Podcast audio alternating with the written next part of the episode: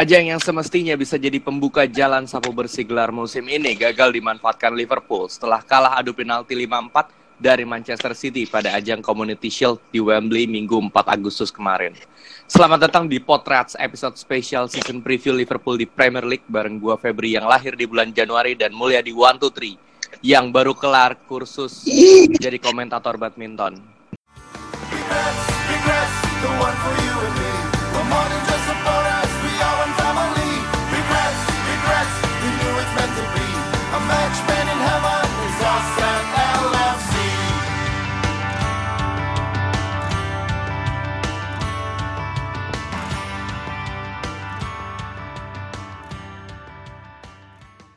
Yo dong, baik lagi nih di potret podcastnya anak Big Dance. Feb, minggu lalu emang gue absen, cuman ini bukan sembarang absen, Feb, asal lo tahu aja. Karena minggu lalu gue mencoba mengapproach ya, ilang bahasanya ya kan, mengapproach dua legenda forum bisa disebut seperti itu, ya kan.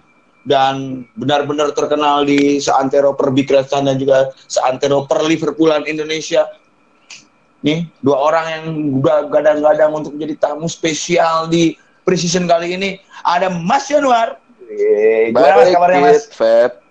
Iya, aduh, Mas Januar nih yang dulu kita sering lebih eh lebih kita kenal dengan Screamonger, Feb. Kalau lu tahu, ya kan? Tahu dong, kan, Feb? Mas Screamonger yang agak serem-serem gitu di forum, tapi sebenarnya baik banget. Bener, gue selalu baca-baca forum tuh kalau pengen denger diskusi-diskusi yang dia bikin ya. Jadi gitu. sebenarnya mungkin eh, tadi juga sempat ngobrol sama Mas Januar di briefing sebelum masuk episode ini. Jadi forum itu kalau misalnya yang belum tahu itu dulu rumah dari uh, komunitas Big Reds ya Mas ya. Betul, betul seperti itu. Oke. Okay. Akan ada kegalauan zaman itu ketika nggak pada bisa akses forum gitu ya. Kayak anak-anak sekarang ya nggak bisa Instagraman gitu, galau gitu. Betul, karena semua informasi tentang Big Reds dan Liverpool pada saat itu bisa kita dapetin di forum. Forum Big Reds dulu, forum.bigreds.org kalau nggak salah. Jadi, Betul. nah selain itu kita juga nggak sama Mas Januar aja nih. Jadi selain Mas Januar Iswanto, ada satu tamu lagi. Jadi spesial kita berempat karena bakalan bahas topik season preview adalah salah satu tokoh legendaris per Liverpoolan di Cirebon. Ada Ang Ian Ang Ian Rahadian, apa kabar Ang? Baik, baik. Ada biasanya disebut Ang Ian Fagan ya. Kalau misalnya tahu eh, Twitter @fagan1892 yang suka posting meme-meme Liverpool, meme-meme lucu. Nah itu Ang Ian, bener nggak Ang? Iya betul, betul, betul. Apa eh, tapi mau nanya nih kalau di sini apa ya ngomongnya apa? Ya? Pakai guys, guys atau gimana biasa? Ah siap. Jadi manggil cekikik jadi orangnya emang baru baru awal aja udah jenaka gitu. Jadi langsung aja nih. Kemarin kita udah pertandingan kompetitif pertama Masian Angian Liverpool yang digadang-gadang bisa menang lawan Manchester City di Community Shield kalah adu penalti setelah tertinggal lebih dulu lewat golnya Rahim Sterling. Ada komentar untuk match ini, Mas Januar dulu? Kalau gue pribadi sih agak-agak skeptis ya ngadepin game-game kayak Community Shield gitu sebenarnya. Karena uh, lebih kepada puncak daripada preseason sih menurut gue. Jadi uh, nggak terlalu signifikan meskipun memang ada trofi. Kalau bicara trofi pun kayak waktu kunjungan ke Asia ada Asia Barclays Asia Trophy gitu-gitu juga dapat trofi gitu kan. Sebenarnya seperti itu sih, cuman perihal yang nggak nyesek tuh perihal lawannya Manchester City. Kenapa sih susah banget gitu lawan City itu gitu. Bet Kayak gitu aja sih. Cuman dan masalah ini sih mungkin akan jadi bahan bahan olok-oloknya fansnya Manchester City. ah karena lo kalah aja mungkin begitu ya. Cuma buat gue sih nggak terlalu masalah. Malah jadi uh, puncak precision lawannya uh, tim papan atas yang yang notabene memang kita juga sering kali kesusahan melawan mereka gitu kan. Jadi bisa jadi bahan review untuk perbaikan di game pembuka besok. Mantap. Gitu. gue seperti itu mantep banget dah sama lanjutin lagi nih Ang Ian Ang Ian kita main uh, lawan Manchester City kelihatannya kan Origi dimainin untuk jadi penggantinya Mane yang memang waktu itu belum bisa gabung Origi mainnya B aja nih tapi menurut Ang Ian gimana secara permainan Liverpool nih? Alisson juga ya masih hawa-hawa liburan tuh. Sebelum membahas masalah permainan ini agak sedikit kurang setuju dengan yang dikatakan Bung Yanwar tadi ya. Kekalahan di apa namanya di Community Shield. Community Shield ini udah benar-benar suatu merugi karena ini suatu momentum. Jadi kalau ditilik ya sebetulnya di Community Shield ini bermakna artinya ya Community Shield ini perisai komunitas. Paham nggak nih? Sampai sini paham nggak nih? Iya, iya, Jadi siap. trofi ini kalau kita dapat ini klub bisa melindungi diri dari komunitas, dari celaan komunitas. Gitu. Jadi kalau menang ya, kemarin Shield itu menang, ini setidaknya klub ini kita bisa imun terhadap celaan ya, se- seenggaknya sebulan lah di awal musim. Ini makanya penting orang-orang yang ngerti aja di komunitas itu apa gitu. Harus kita raih. Jadi Bener ya? bener-bener nggak punya perisai bagi komunitas gitu loh. Ya. Baru kita bahas nih pertandingan. Kita Gitu awalnya ya. dulu nih agak-agak bersinggungan sedikit. Mukadimah Terus agak dulu ya? Kalau iya. Ini kayaknya akan menjadi obrolan yang seru. Jadi kalau siapa pun yang lagi dengerin potret sini kayaknya kalau ada yang mau bikin kopi, bikin kopi dulu. Yang mau pesen gojek, mau berangkat ke kantor, Iya, pesen iya, kopi iya. dulu gitu ya gimana kan. Ang, Ian lanjut Banget community Iya. shield. Ya betul. Jadi kalau tadi masuk ke pertandingan mengenai tadi Origi biasa aja atau Alisson biasa saja, ini eh, masuknya ya karena benar-benar tadi masih masuk pre-season ya. Jadi walaupun intinya kita kalah atau menang nanti anggapannya seperti itu di luar trofi yang tadi saya bilang penting itu. Dari babak pertama Hmm. secara umum kita agak agak agak tertekan. Cuman di babak kedua ini peluang kita lebih baik dan harusnya bisa menang. Tapi ini tadi ya sering saya saya ungkapkan juga di di medsos bahwa buang-buang peluang itu sama juga dengan blunder. Jadi kalau kiper atau back diharamkan melakukan kesalahan, jadi blunder itu kiper atau back tuh bisa langsung disalahin tuh atas kekalahan. Tapi striker atau pemain-pemain yang gagal scoring atau buang-buang peluang harusnya sama dong. Itu juga sebuah blunder dan sanksinya bisa setimpal lah karena itu sama-sama juga bisa buat kita kalah. Jadi intinya ya kalah kita kemarin itu atau gagal sama aja nggak enak ya mesti bahasanya kita lebih baik tapi kurang beruntung. Itu biasanya begitu kan? Atau Hmm. apa pun itulah. Jadi sakitnya tetap sama dan nggak akan yang inget nggak akan ada yang ingat kalau kita pernah runner up di community shield. Kira-kira begitu. Betul, soalnya kemarin kalau dilihat permainan Bobby Firmino mainnya lumayan asik kan. Tapi di umpan ke salah, salah kena tiang, go- eh, tendangannya juga masih melebar gitu. Nah, ngomong-ngomong soal trio lini depan walaupun belum ada Mane kemarin. Itu kan jadi salah satu sorotan walaupun mainnya bagus tapi finishingnya agak kurang. Ada komentar Mas Yanuar apalagi eh, golnya yang dicetak Liverpool kan dicetak oleh dua eh, oleh kombinasi dua back umpan dari Van Dijk disundul sama Matip. Mas Yanuar ada komentar? gua jadi agak-agak kinder gitu ketika eh, mendapati fakta bahwa beberapa bulan ke depan kita nggak imun gitu kan.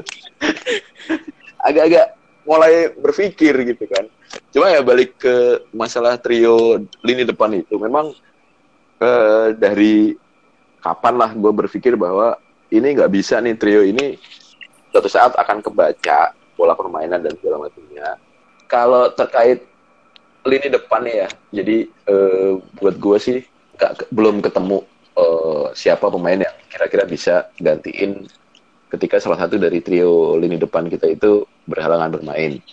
Origi sendiri meskipun catatan eh, apa ya eh, sejarahnya gitu ya sejarahnya kemarin jadi pahlawan di game melawan Barcelona kemudian di via final juga gitu kan di champion itu tetap buat gue belum belum pada level untuk bisa ngisi slotnya salah satu pemain lah gitu. Salah satu trio itu. Peluang kesempatan atau kesempatannya sebenarnya musim transfer masih kebuka kalau memang mau cari. Oke, jadi betul. Jadi kalau misalnya kita lihat trio lini depan, lini depan ini masih berpikir bahwa Origi ini udah layak dilepas aja sih sebenarnya gitu. Ketika ada siapa Brewster yang memang digadang-gadang akan jadi bintang gitu kan dan gue pribadi lebih berharap Brewster ini produk akademi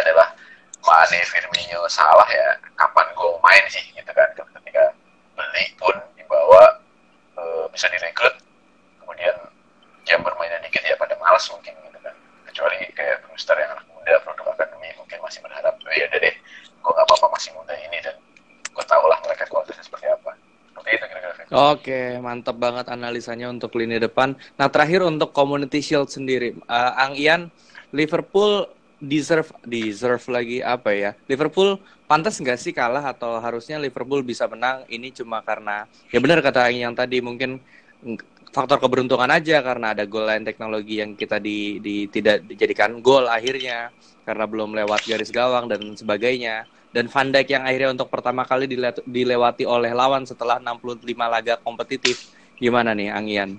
E, terakhir nih, di, apa Liverpool memang pantas kalah pada pertandingan ini atau atau harusnya bisa menang?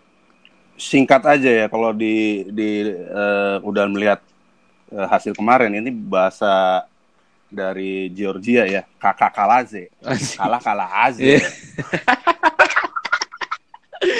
aduh, aduh. Oke, jadi ya kita mawas diri aja ya. Kalau community shield ini mawas diri karena pre preseason juga tidak tidak memuaskan dan semoga ini adalah yang terakhir sebelum kita ke Norwich. Ngomong-ngomong soal jelang liga, eh, pertandingan melawan Norwich juga jadi penanda bahwa eh, transfer window eh, ditutup tanggal 8 kalau nggak salah tanggal 8 kita udah ngelepas pada akhirnya melepas Mignolet yang enam tahun enam musim stay di Liverpool dan diganti dengan Adrian San Miguel yang yang didapat secara gratis free transfer.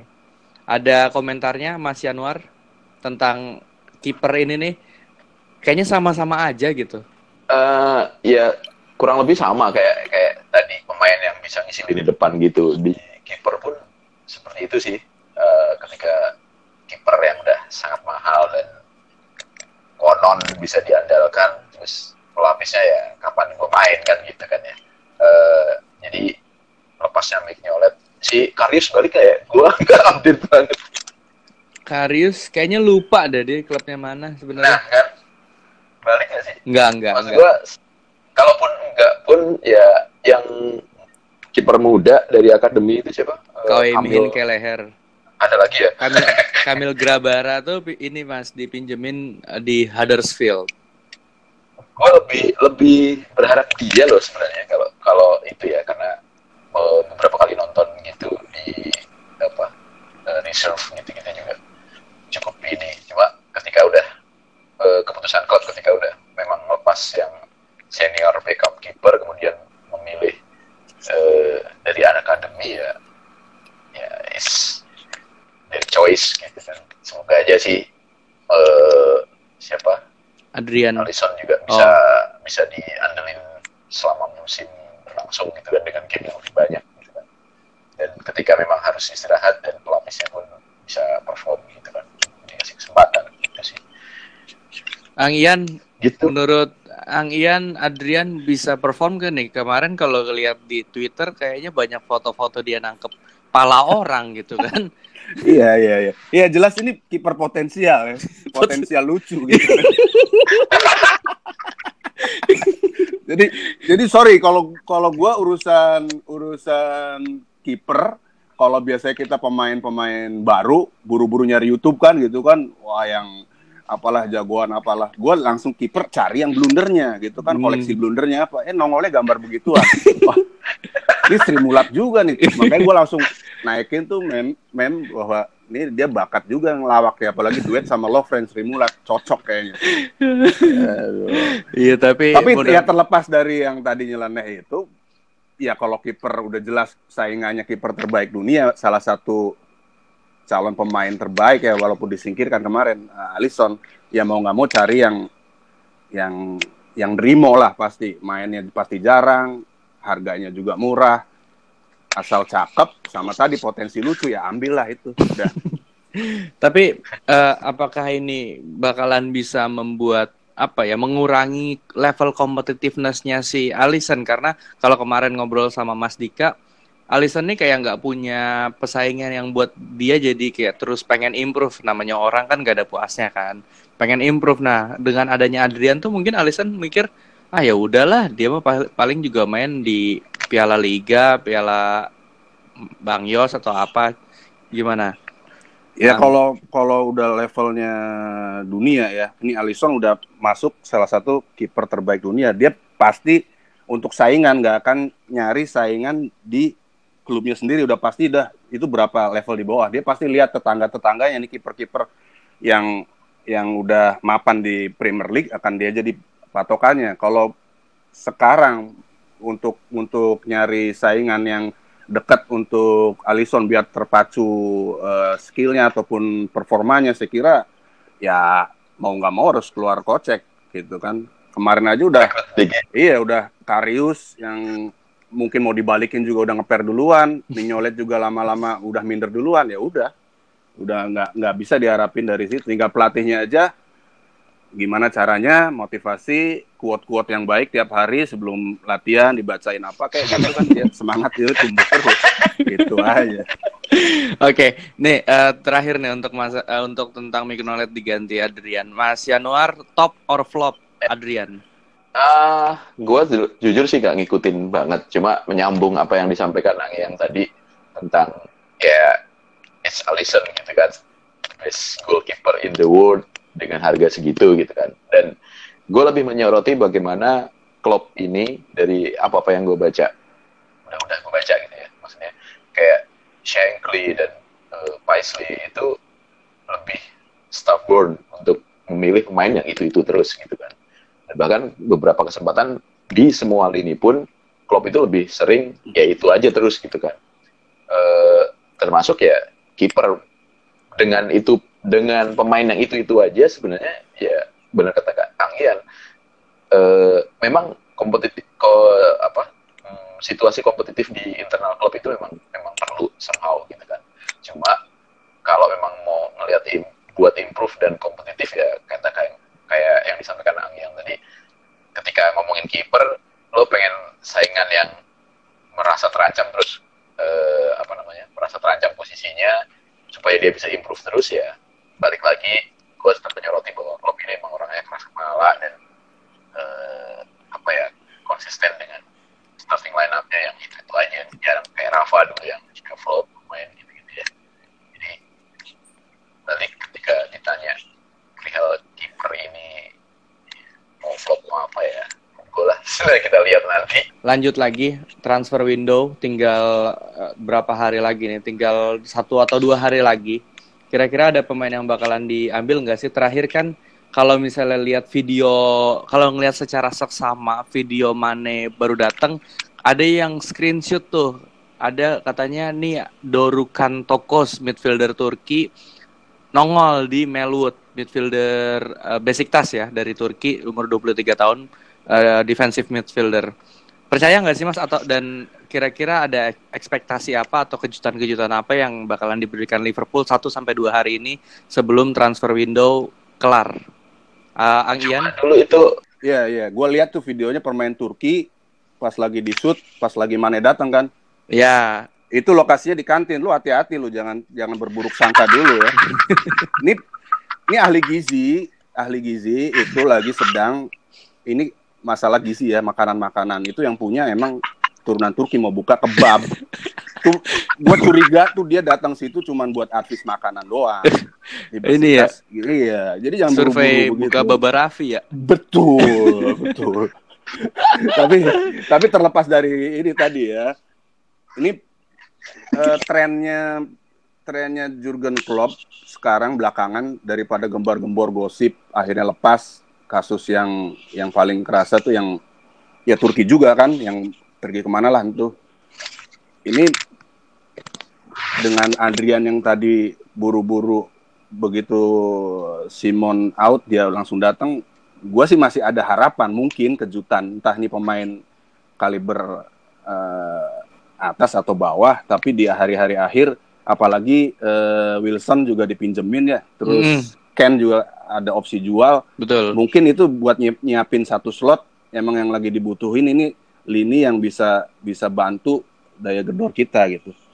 Karena yang penting ya, di musim lalu aja kita masih punya uh, bench yang yang efek punya efek teror gitu kayak Sturridge gitu kan. Hmm. Masalah main gak main orang udah lihat dulu aduh ada Sturridge eh, di bench eh, gitu kan.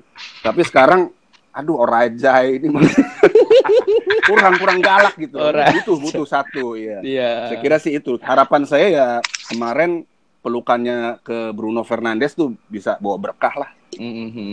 Kali ya. karena kan ya karena kan sebelum pemain-pemain yang sebelum direkrut kan dipeluk dulu tuh kayak yeah. Mane, Salah.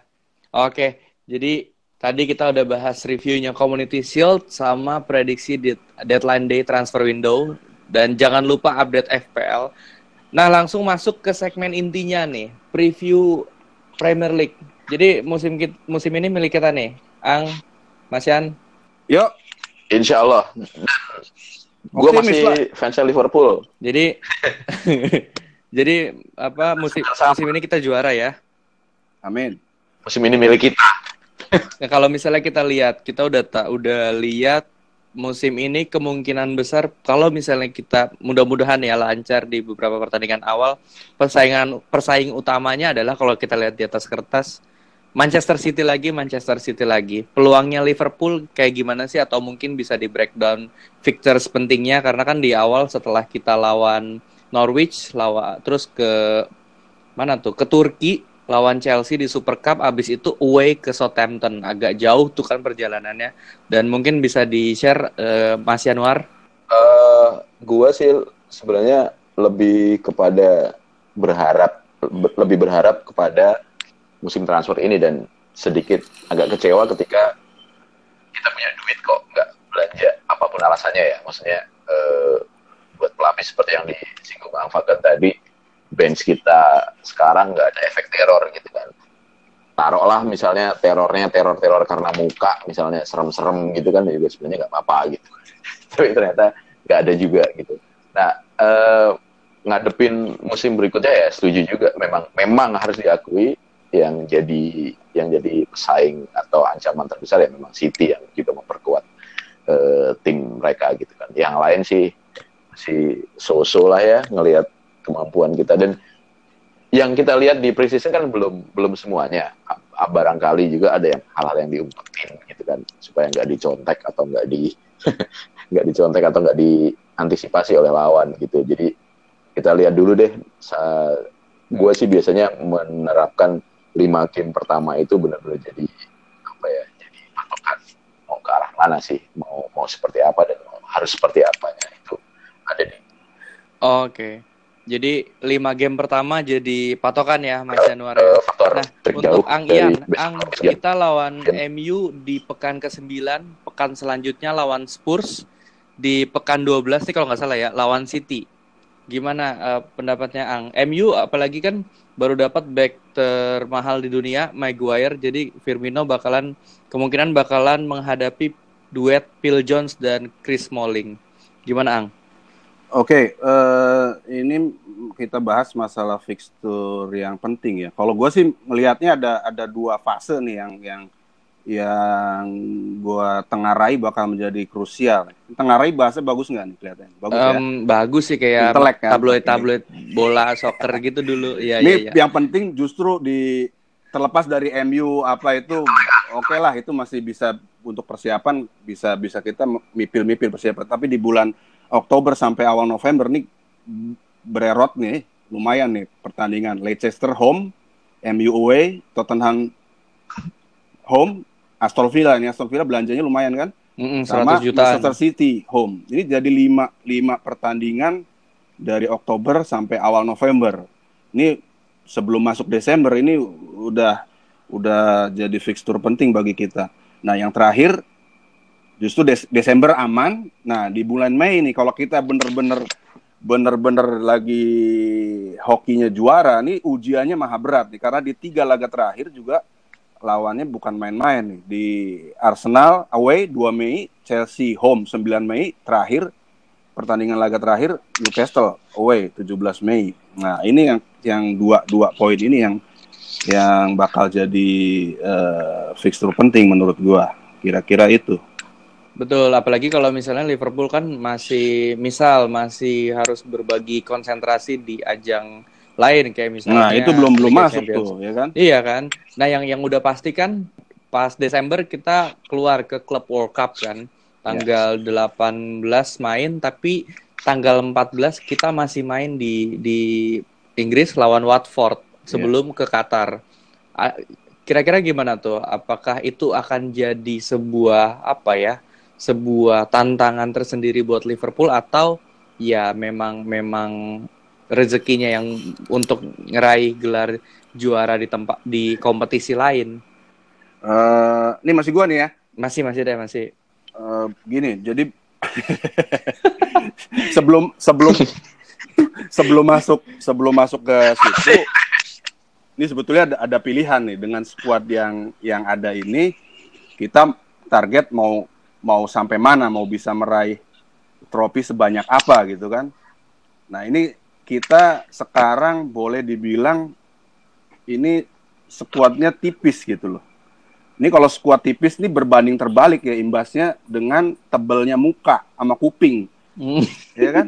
Skuad tipis, muka kudu tebel, kuping kudu tebel, baik Iya, dari iya. klub maupun supporter nih dari nyinyiran ya kan. Kemarin aja udah terbukti gitu. Ya udah, jadi kalau kita berharap mau dapetin FA atau tadi FIFA atau Super Cup nanti kita bisa lihat nanti eh, saat itu yang berdekatan apa mungkin Klopp bisa meramu skuadnya dengan tambah sulam atau bagaimana. Tapi yang jelas saya saya kira di di musim ini dengan skuad itu pasti punya prioritas nih. Mana yang akan di, di harus disabet. Syukur-syukur sih emang semua prioritas Eh, segala trofi yang tersedia sabet semua nanti ada beberapa analisa yang bisa saya sampaikan di di belakang deh Asik.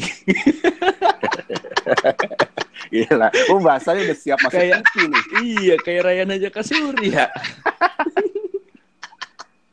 Iya, jadi benar. em, jadi fixtures, fixtures lagi. Apa jadwal pertandingan juga harus bisa disesuaikan dengan banyak atau sedikitnya pemain yang bisa kita miliki. Nah, kalau misalnya kita lihat kan, oke lah di tengah kita udah ada Ox Chamberlain sama Nabi Keita dan Shakiri pun udah udah oke lagi. Nah, di belakang akan jadi masalah nggak sih Ang atau Mas Yanwar tentang Trent Alexander-Arnold nggak punya backup yang bisa dibilang murni karena Nathaniel Klein cedera panjang, Matip sama eh, Van Dijk juga pelapisnya Lovren, nah sama Andy Robertson nggak punya pelapis murni setelah Moreno pindah. Kira-kira dengan dengan squad yang ada sekarang yang benar dibilang tipis banget, walaupun kita main jauh lebih banyak pertandingan dari musim lalu, gimana eh, pendapatnya tentang squad eh, yang tipis ini dengan di masing-masing posisi agak-agak timpang gitu kan karena pelapisnya juga eh, nggak ada Mas Yanwar. Eh, back kanan, kalau back kanan itu memang kayaknya Klopp itu agak-agak nggak niat gitu ya nyari buat gue sih. Karena dari dulu pun bahkan klien dipinjemin dan untuk ya, ngisi posisinya Arnold malah lebih ngandelin Gomez ketika dia fit gitu kan. Eh, sama Milner dan Masih masih. Milner jadi multifungsi juga. Masih ada kan ya? Eh, dengan usia yang kayak gitu dan dan meski eh, meskipun dia sangat versatile gitu kan. Cuma dengan usia kayak gitu ya agak-agak riskan juga ngandelin dia untuk melapis kedua apa sisi back gitu kan. Dan inilah yang kenapa gue bilang tadi agak kecewa dengan apa ya niat niat atau atau uh, aktivitas klub di bursa transfer gitu udah udah sangat udah sangat jadi isu untuk kiri back kedua sisi back itu sangat rentan perihal eh, bermain di banyak kompetisi termasuk besok harus di apa ke Qatar itu. Iya jadi eh, resiko sebagai klub klub yang besar artinya harus ngadepin banyak kompetisi dan itu sepertinya tidak disikapi dengan bijak ya dengan eh, sepinya aktivitas transfer main gitu. Udah tahu bahwa dua sisi back ini tidak ada pelapis gitu depan juga nggak ada pelapis. Kok? Ya eh, nggak segera di, disikapi dengan mereka pemain. Ya memang disadari nggak gampang sih nyari pemain yang cocok apalagi Klopp ini. Aduh punya punya syarat banyak banget lah kalau untuk rekrut pemain gitu. harus ini harus itu. Dia yang banget Oke. Jadi tentang tidak menyikapi dengan cukup bijak kalau kata Mas Januar eh, karena kita main di banyak kompetisi tapi kok di bursa transfer nggak nggak gercep gitu. Ang Ian mau nanya nih, analisa pesaing kan tadi kayaknya udah nyiapin banget nih.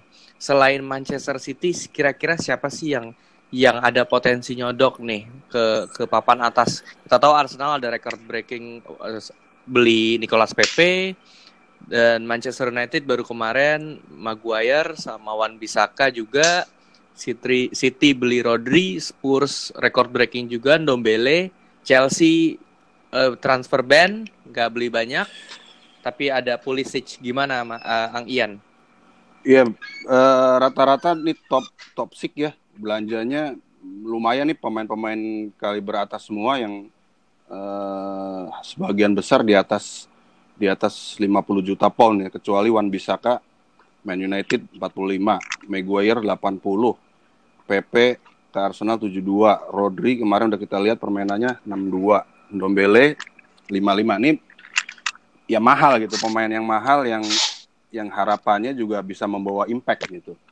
Jadi benar yang dikatakan tadi oleh Mas Yan bahwa ya nggak belanja juga sebetulnya suatu perjudian. Kita belanja berjudi nggak belanja juga berjudi. Karena ini skuad meskipun yang kemarin itu kuat tapi kalau tanpa perubahan berarti ini musuh udah secara terang benderang punya banyak waktu ya untuk cari penangkal dari istilahnya apa nih alusista yang punya yang kita punya gitu. Kita udah punya bedil angin berapa, punya basoka berapa, punya tank berapa, apa banyak goloknya gitu kan. Ini udah di terawang semua gitu. Ini kalau kita kita dari musim kemarin aja sekarang sebetulnya udah punya pemain kaliber atas ya tiga nih salah satu calon pemain terbaik dunia udah udah kita punya gitu. Itu levelnya Hmm. berarti udah mirip-mirip sama Messi Ronaldo kan? Ada Van Dijk Salah Mane.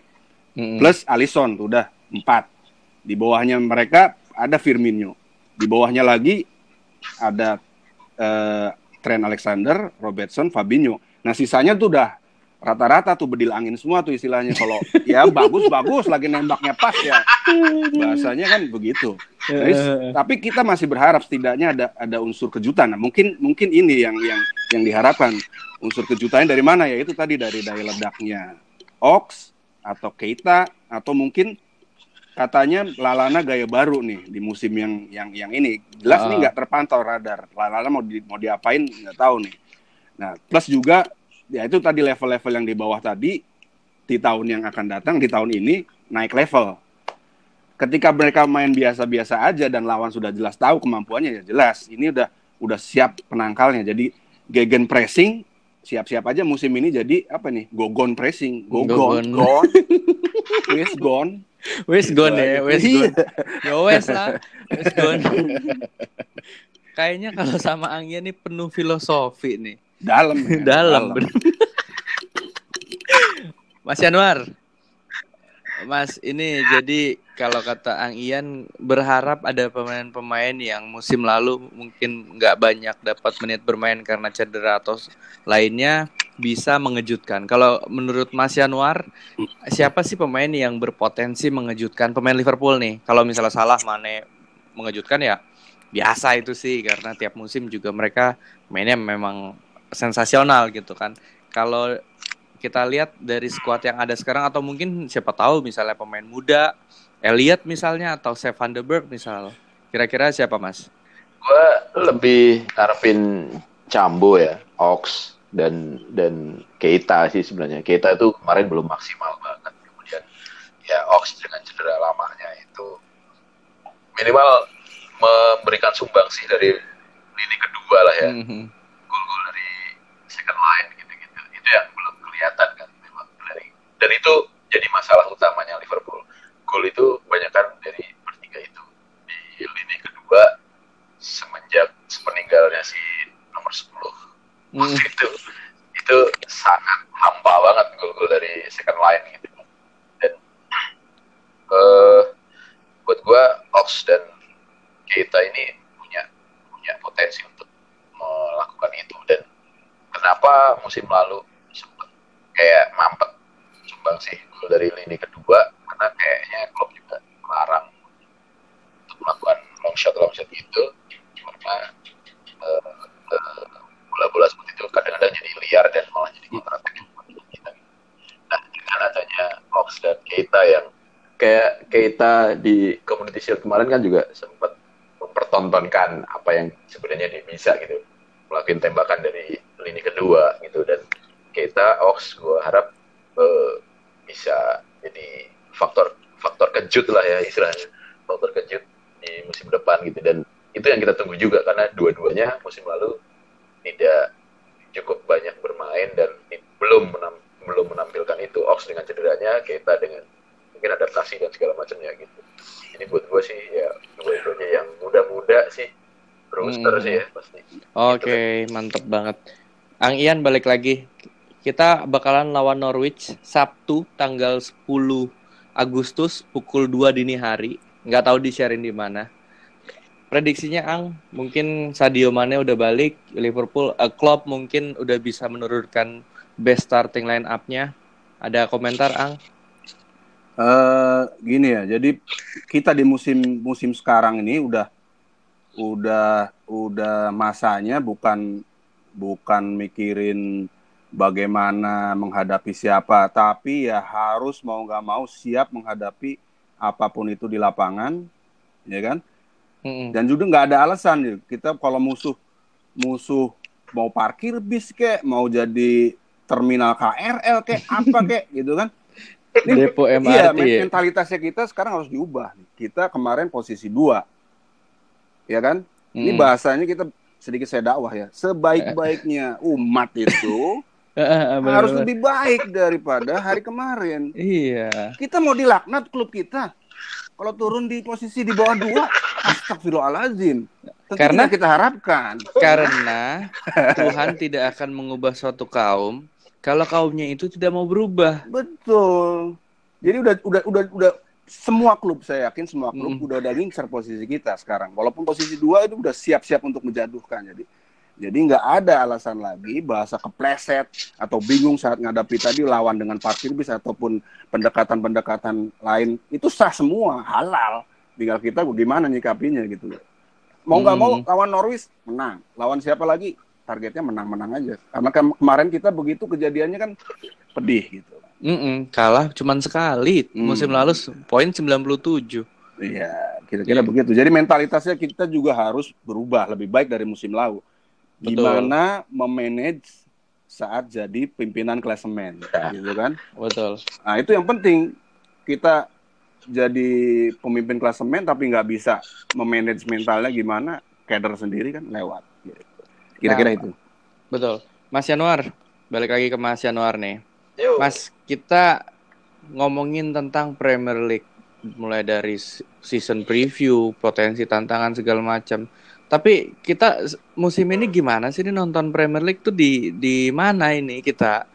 Bein Sport udah end, udah nggak lagi. Katanya Mola TV. Cuma agak gimana ya? Agak bingung itu Mola TV itu gimana? Mulyadi juga ketiduran kayaknya nih Mulyadi di warnet. Ini dibayar nggak nih ngomongin? Ada endorsement nggak dari Enggak cuma ya kan? ini cuma ngasih cuma ngasih tahu doang gitu, enggak yang promoin. Iya iya. Agak-agak hmm, agak-agak pelik memang ya jadi masalah buat eh, komunitas bukan cuma Betul. kita pastinya kan komunitas pecinta Premier League utama. Eh, sempat dengar juga bahwa eh, ketika menyiarkan tayangannya provider baru ini untuk acara-acara nonbar katanya bah akan di menindak tegas streaming streaming ya katanya yang yang enggak enggak melalui mereka gitu. Ya, kalau streaming sih ya nggak harus lewat mereka banyak gitu kan. Cuma ketika itu ditayang eh, yang yang mereka misalnya kita misalnya lu punya langganan terus dipakai buat nonbar itu yang akan jadi masalah secara hukum bagi mereka begitu. Betul. Mereka gitu. Jadi kita berada pada situasi yang kita nggak bisa bilang gimana ya Mas ya. Berada berada pada situasi yang unik di mana Mola TV mengambil alih tayangan Premier League selama tiga tahun ke depan dengan TVRI sebagai TV terestrialnya, tapi dalam satu pekan pertandingan TVRI cuma ngambil dua ya kalau nggak salah. Sementara Mola TV uh, 10 pertandingan. Dan kita nggak tahu nih setelah ini mungkin dia akan share ke kalau dulu su suka senang tuh pakai yang namanya Max Stream bisa di di mana aja nonton gitu kan. Terus ada juga Bin Sport Bin Connect gitu harapannya untuk untuk Mola TV nih. Karena gini kita nggak bisa bilang Mola TV gimana gimana karena ini baru awal musim gitu kan. Kita berharap semoga yang terbaik karena ya ini Premier League adalah kompetisi yang yang dijalani Liverpool gitu frequently gitu. Gimana mas? Harapannya gitu atau mungkin ada pendapat tentang kalau kalau gue nih uh, dari yang gue tahu nih dari ngobrol-ngobrol beberapa kebetulan ada di dunia dunia itu juga Mola ini kan sebenarnya versi versi uh, versi sports atau lebih spesifiknya sepak bolanya Netflix hmm. gitu kan. Yang ke depannya memang konsepnya memang pakai uh, stream gitu kan. Uh, ini yang harus disikapi juga oleh oleh kita sebagai pecinta Premier League gitu ya.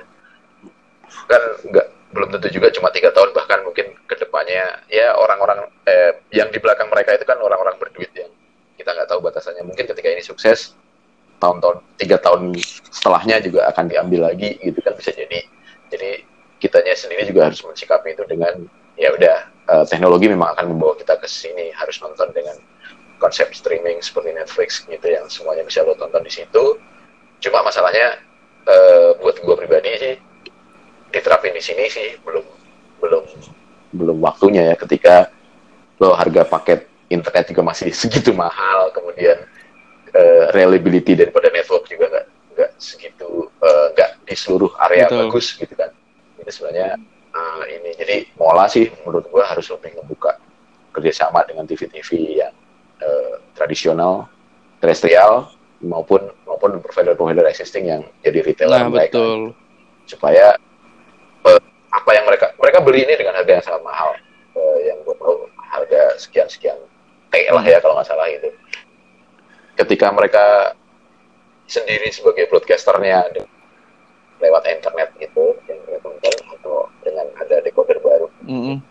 ya akan hmm, jadi rugi mereka juga sih ketika nggak semuanya bisa atau males ribet-ribet lagi gitu kan. Duit mereka juga akan balik sih. dari sisi gue seperti itu. Cuma ya mungkin itu bisnis mereka dan mereka udah pasti sangat siap dengan Betul, karena memang ya Premier League ini adalah liga kita nggak bisa bilang Premier League liga terbaik, tapi liga paling menghibur, liga dalam tanda kutip paling seksi ya Premier League gitu. Liga, liga paling, paling komersil, betul. ya betul ya Angian ya. Ya setuju. Sebelum kita menyudahi potret episode spesial ini nih, ada komentarnya atau misalnya harapannya kira-kira target paruh musim kah atau misalnya apa yang bisa kita apa yang bisa kita ekspektasikan untuk Liverpool nih seenggaknya sampai paruh musim ke depan. Kita ada main di uh, Super Cup kita juga kemarin udah di Community Shield Premier League Carabao Cup FA Cup sama Club World Cup. Banyak banget tuh. Sama Premier sama Liga Champions juga. Oke sebelumnya makasih juga nih gue ditaruh uh, di kesempatan kali ini jadi agak sedikit kembali ke zaman-zaman uh, forum ya harus eh, harus bentar, ngulik bentar. ya by data gitu kan. Zaman jadi, zaman forum apa nah, TV jadi kalau ngomong lu harus ada ada apa nih analisa boleh guyon tapi ada Betul. ada backgroundnya. Nah ini gue sedikit analisa ya. Jadi Angian, untuk Angian. Bentar nih, ya. bentar nih. Uh, analisanya sambil kayak ala-ala Matt Peci gitu dong. Kita kan boleh, nih boleh, dengan boleh. Big TV nih boleh. dulu. Buat hmm. yang pendengar yang belum tahu, yeah. searching aja di YouTube Big TV itu ada Ang Ian di Mat Peci sama Mas Januar dulu di Reds Netting, tapi udah bungkus sayangnya ya. Oke, gimana? nah ini, oke, jadi uh, makasih ya sebelumnya nih udah diajak di acara baru nih podcast ya untuk bahas sedikit analisa. Meski sebelumnya gue udah duluan nih di hmm. zaman lampau itu bahas analisa-analisa walaupun guyon tapi itu dalam juga. Betul betul, setuju. Sebetulnya gue mau nanya nih, ini kemajuan atau kemunduran? Dulu gue visual, sekarang audio, balik gitu kan. ini karena kita terinspirasi. Kalau kalau saya itu fans beratnya Mat Peci dulu. Ah, oke. Okay. Jadi buat yang generasi sekarang belum paham Mat Peci itu bisa search tuh di di Big Reds TV ada Matt Peci itu ya itu eh, salah satu metode analisa yang cukup nyeleneh tapi ya cukup cukup inilah menghibur.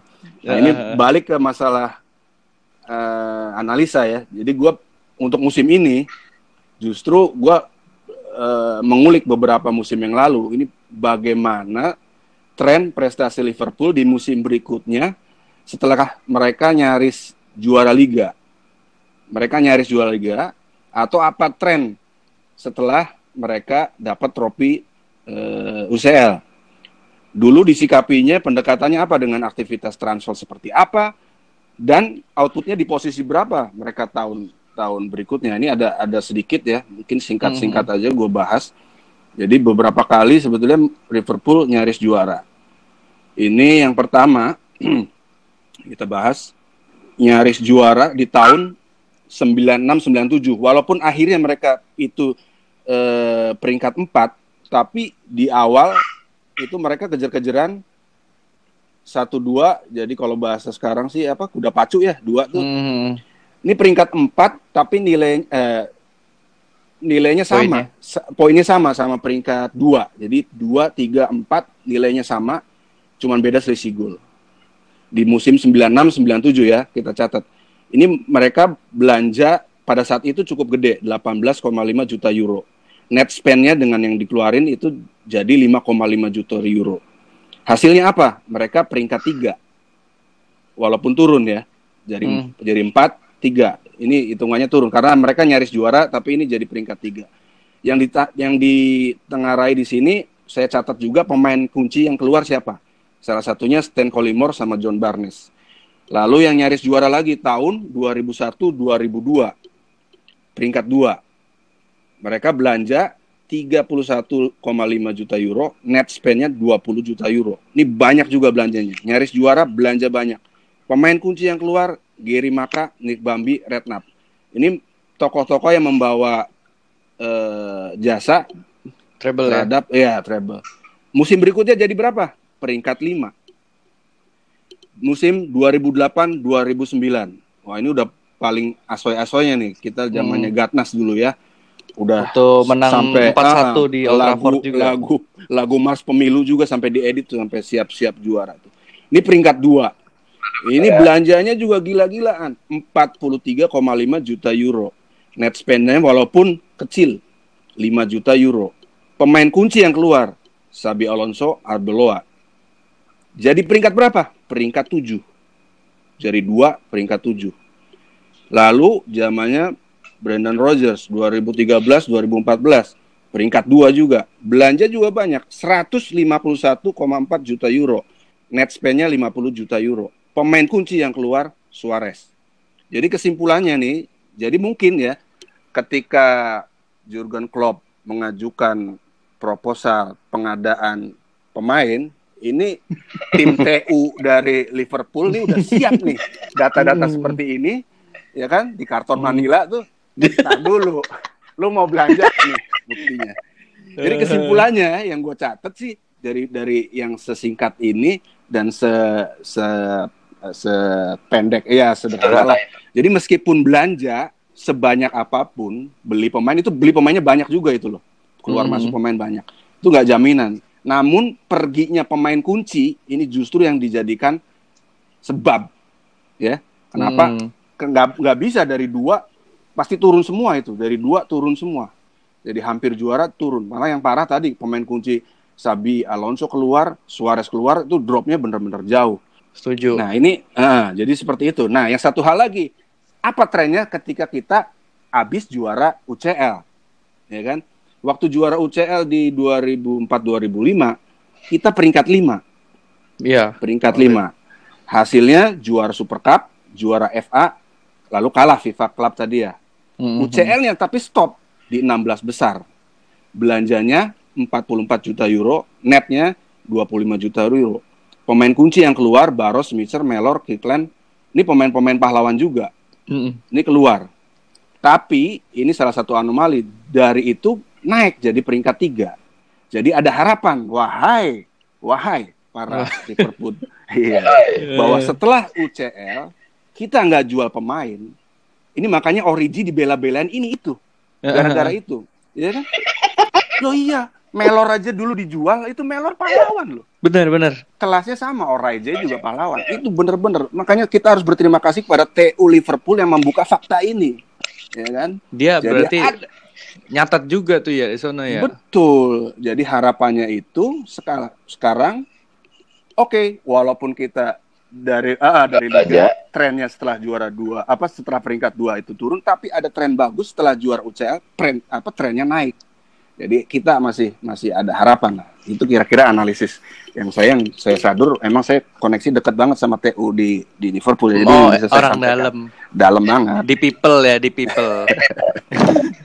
itu menarik banget sih. Jadi fakta-fakta yang terkesampingkan begitu Mm, saja Ini gitu, bisa dicermati dengan baik oleh Ang Ian.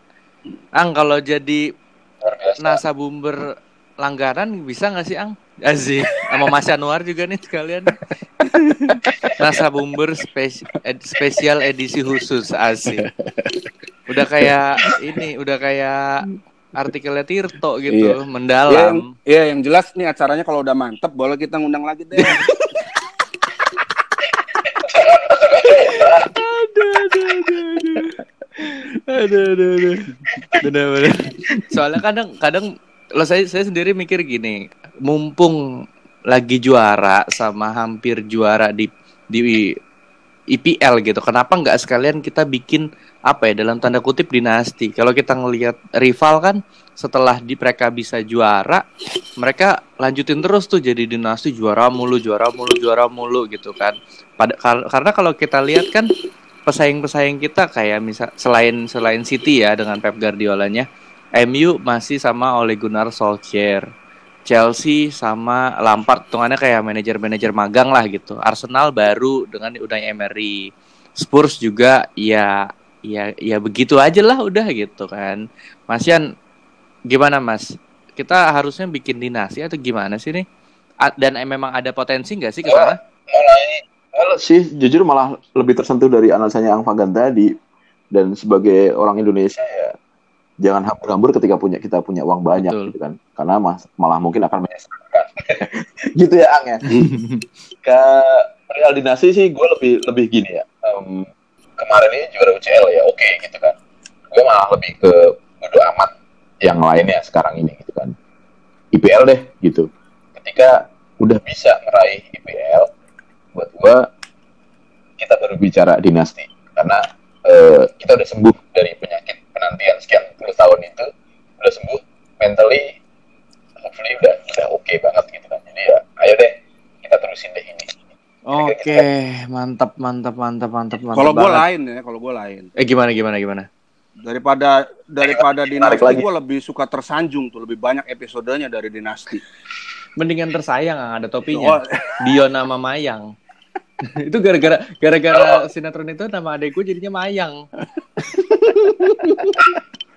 Oi, yang di Cirebon aja lah Ang. dinasti kan Purwokerto itu apa itu? Itu apa itu? Aku aku kurang ngerti itu.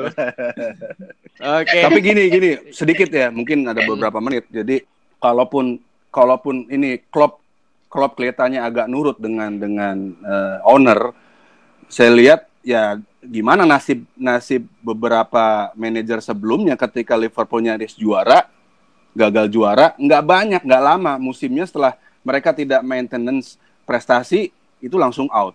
Nah mungkin juga Klopp Klopp ngelihat ke arah situ ya. Jadi misalkan dia ke ke belanja maksain gitu loh, beri beri berapa pemain kaliber gitu. Tapi di musim depan dia dia rontok, tim ini rontok, mungkin nggak nggak nggak nggak bisa bertahan lama.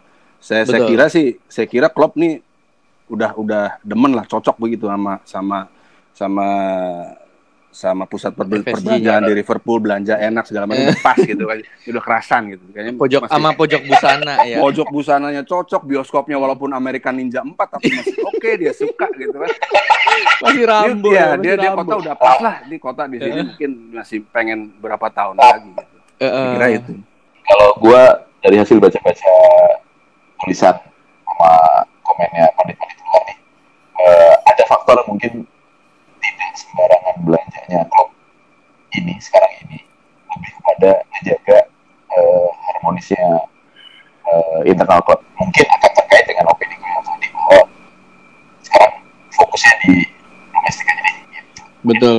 Karena memang sama sih benar-benar kalau saya sih bukannya kangen sih emang belum pernah ngerasain Liverpool juara Premier League sih jadi benar-benar pengen ngerasain gitu iya siap, belum pernah ngerasain. makanya manggilnya om manggilnya om Kalau gua sih, kalau gua apa di seling-seling kadang gua Chelsea, kadang gua City, udah selamat gitu aja. Gua Yang ngerasain penting- doang kan. iya iya iya oke ya wes keren banget mantap banget sih emang dibilang edisi spesial dengan orang spesial ya inilah yang yang didapat Eh, Ada topik yang apa apa bahas mas lu. Apa yang belum gue bahas ya? oh ya? iya a- ada ang Ntar, ntar, apa sih? lihat ke bed ke bed catatan dulu ke bed ke bed oh iya tadi reuni Big Reds TV kan Kurang dalam PC. pertanyaannya, kurang dalam. oh gitu ya Kurang menggali gitu kan. enggak so- soalnya baru satu episode itu Bubar. Enggak. Target paruh musim belum? I- itu kan tadi target pak ya yaudah target paruh musim gimana ang ini ini yang jadi hostnya siapa sih Iya, gua ngingetin aja. Iya, iya, bener-bener. gua udah buat data banyak. oh iya iya bener bener bener ini nasa bumber terniat yang pernah ada tapi gak apa keren keren gimana ang prediksinya ang Eh, untuk target paruh musim ya sebetulnya Iya.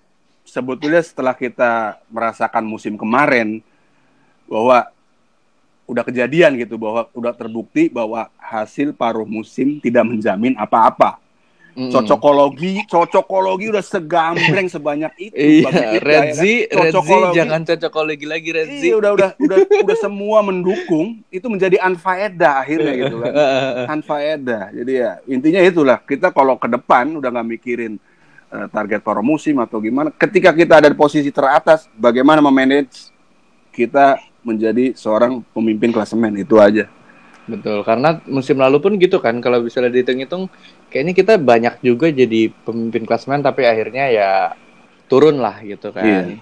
Jadi mudah-mudahan Klopp juga bisa bisa belajar dari pengalaman musim lalu. Ya sebenarnya kalau dibilang hoki ya hoki juga kurang kurang faktor hoki juga, tapi City-nya juga emang emang jago gitu ya. Namanya juga tim dikasih duit ya begitu gitu kan. Jadi Oke, ada lagi nggak nih yang mau disampaikan? Oh ini ini, ini sedikit Oh, sedikit. iya, iya, iya, iya. tanggung nih. Gua hasil analisa kalau nggak gua bacain Bener. sayang gitu kan. Heeh. Ini gua gua sedikit sedikit eh, mengulas tadi mengenai City kemarin gimana superiornya.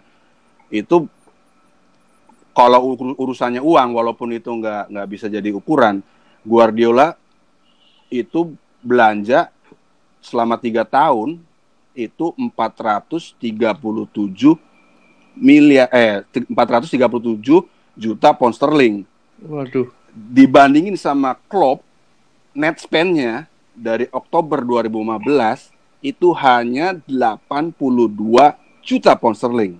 Lima kali lipat. Ibarat kata, ini Klopp cuma belanja satu Harry Maguire, ya? Hmm. ya kan? Dari empat tahun itu atau berarti delapan ya, delapan jendela transfer, Klopp cuma rata-rata belanja 10 juta. Hmm. Jika Anda para umat berharap berharap lebih dari yang kemarin kita capai ya itu dia perlu perlu kita perlu kita telaah lagi gitu kan. Karena Pak Klopp nih sebe- karena Iya. Pak Klopp nih sebenarnya ternyata hemat orangnya ya, walaupun kelihatannya beli-beli mahal-mahal, tapi dia emang akuntan kali. Mm-mm. Mm-mm. Mas Januar ada yang mau disampaikan lagi Mas sebelum kita closing nih? Cukup lah. Oke, jadi itu itu untuk episode ke-6 kali ini, Potrets edisi spesial season preview Liverpool di Premier League. Jangan lewatkan juga next episode kita bakalan bahas dengan bersama orang yang pernah datang ke final Liga Champions. Jadi karena next episode kita kan bakalan bahas tentang Piala Super Eropa melawan Chelsea di Turki. Itu untuk episode ke-7 dan untuk pengumuman pemenang kuis episode 5 kemarin itu yang menang adalah at ya di Twitter ya at Aldo Chris 2. Diulang lagi at Aldo Chris 2 dengan jawaban 28 Desember 1999 sebagai tanggal lahir berdirinya Big Rats. Jadi itu aja untuk Ang Ian, terima kasih Ang Ian. Untuk Sama-sama. Mas Januar, terima kasih. Mudah-mudahan Big Rats TV Sama-sama suatu Yuk. bisa Bahasa basi. Terima kasih Mas Januar. Semoga Ang Ian Mas Januar programnya di Big Rats TV bisa reborn suatu saat nanti. Terus juga anak iya benar. Terus juga forum suatu bisa kita nostalgia lagi karena memang dua orang ini yang menurut saya juga namanya melegenda. Ang Ian juga selain meme-memnya di Twitter pernah jadi representasi untuk batik Liverpool ya Ang ya, tapi bukan batik logo klub doang, batiknya custom lah ya. Dan itu dipakai oleh Ian Rush ya waktu itu ya sama legenda-legenda Liverpool waktu LFC Tour ya Ang ya. Iya. Oke, itu aja untuk potret episode ke-6 kali ini. Sekali lagi untuk episode selanjutnya kita bakalan kedatangan orang yang pernah merasakan langsung sensasi final eh, turnamen Eropa bersama Liverpool. Oke, gitu aja. Gua Febri yang lahir di bulan Januari dan Two Three yang kayaknya ketiduran. Oke, Di pamit undur. pamit undur diri. Bye bye.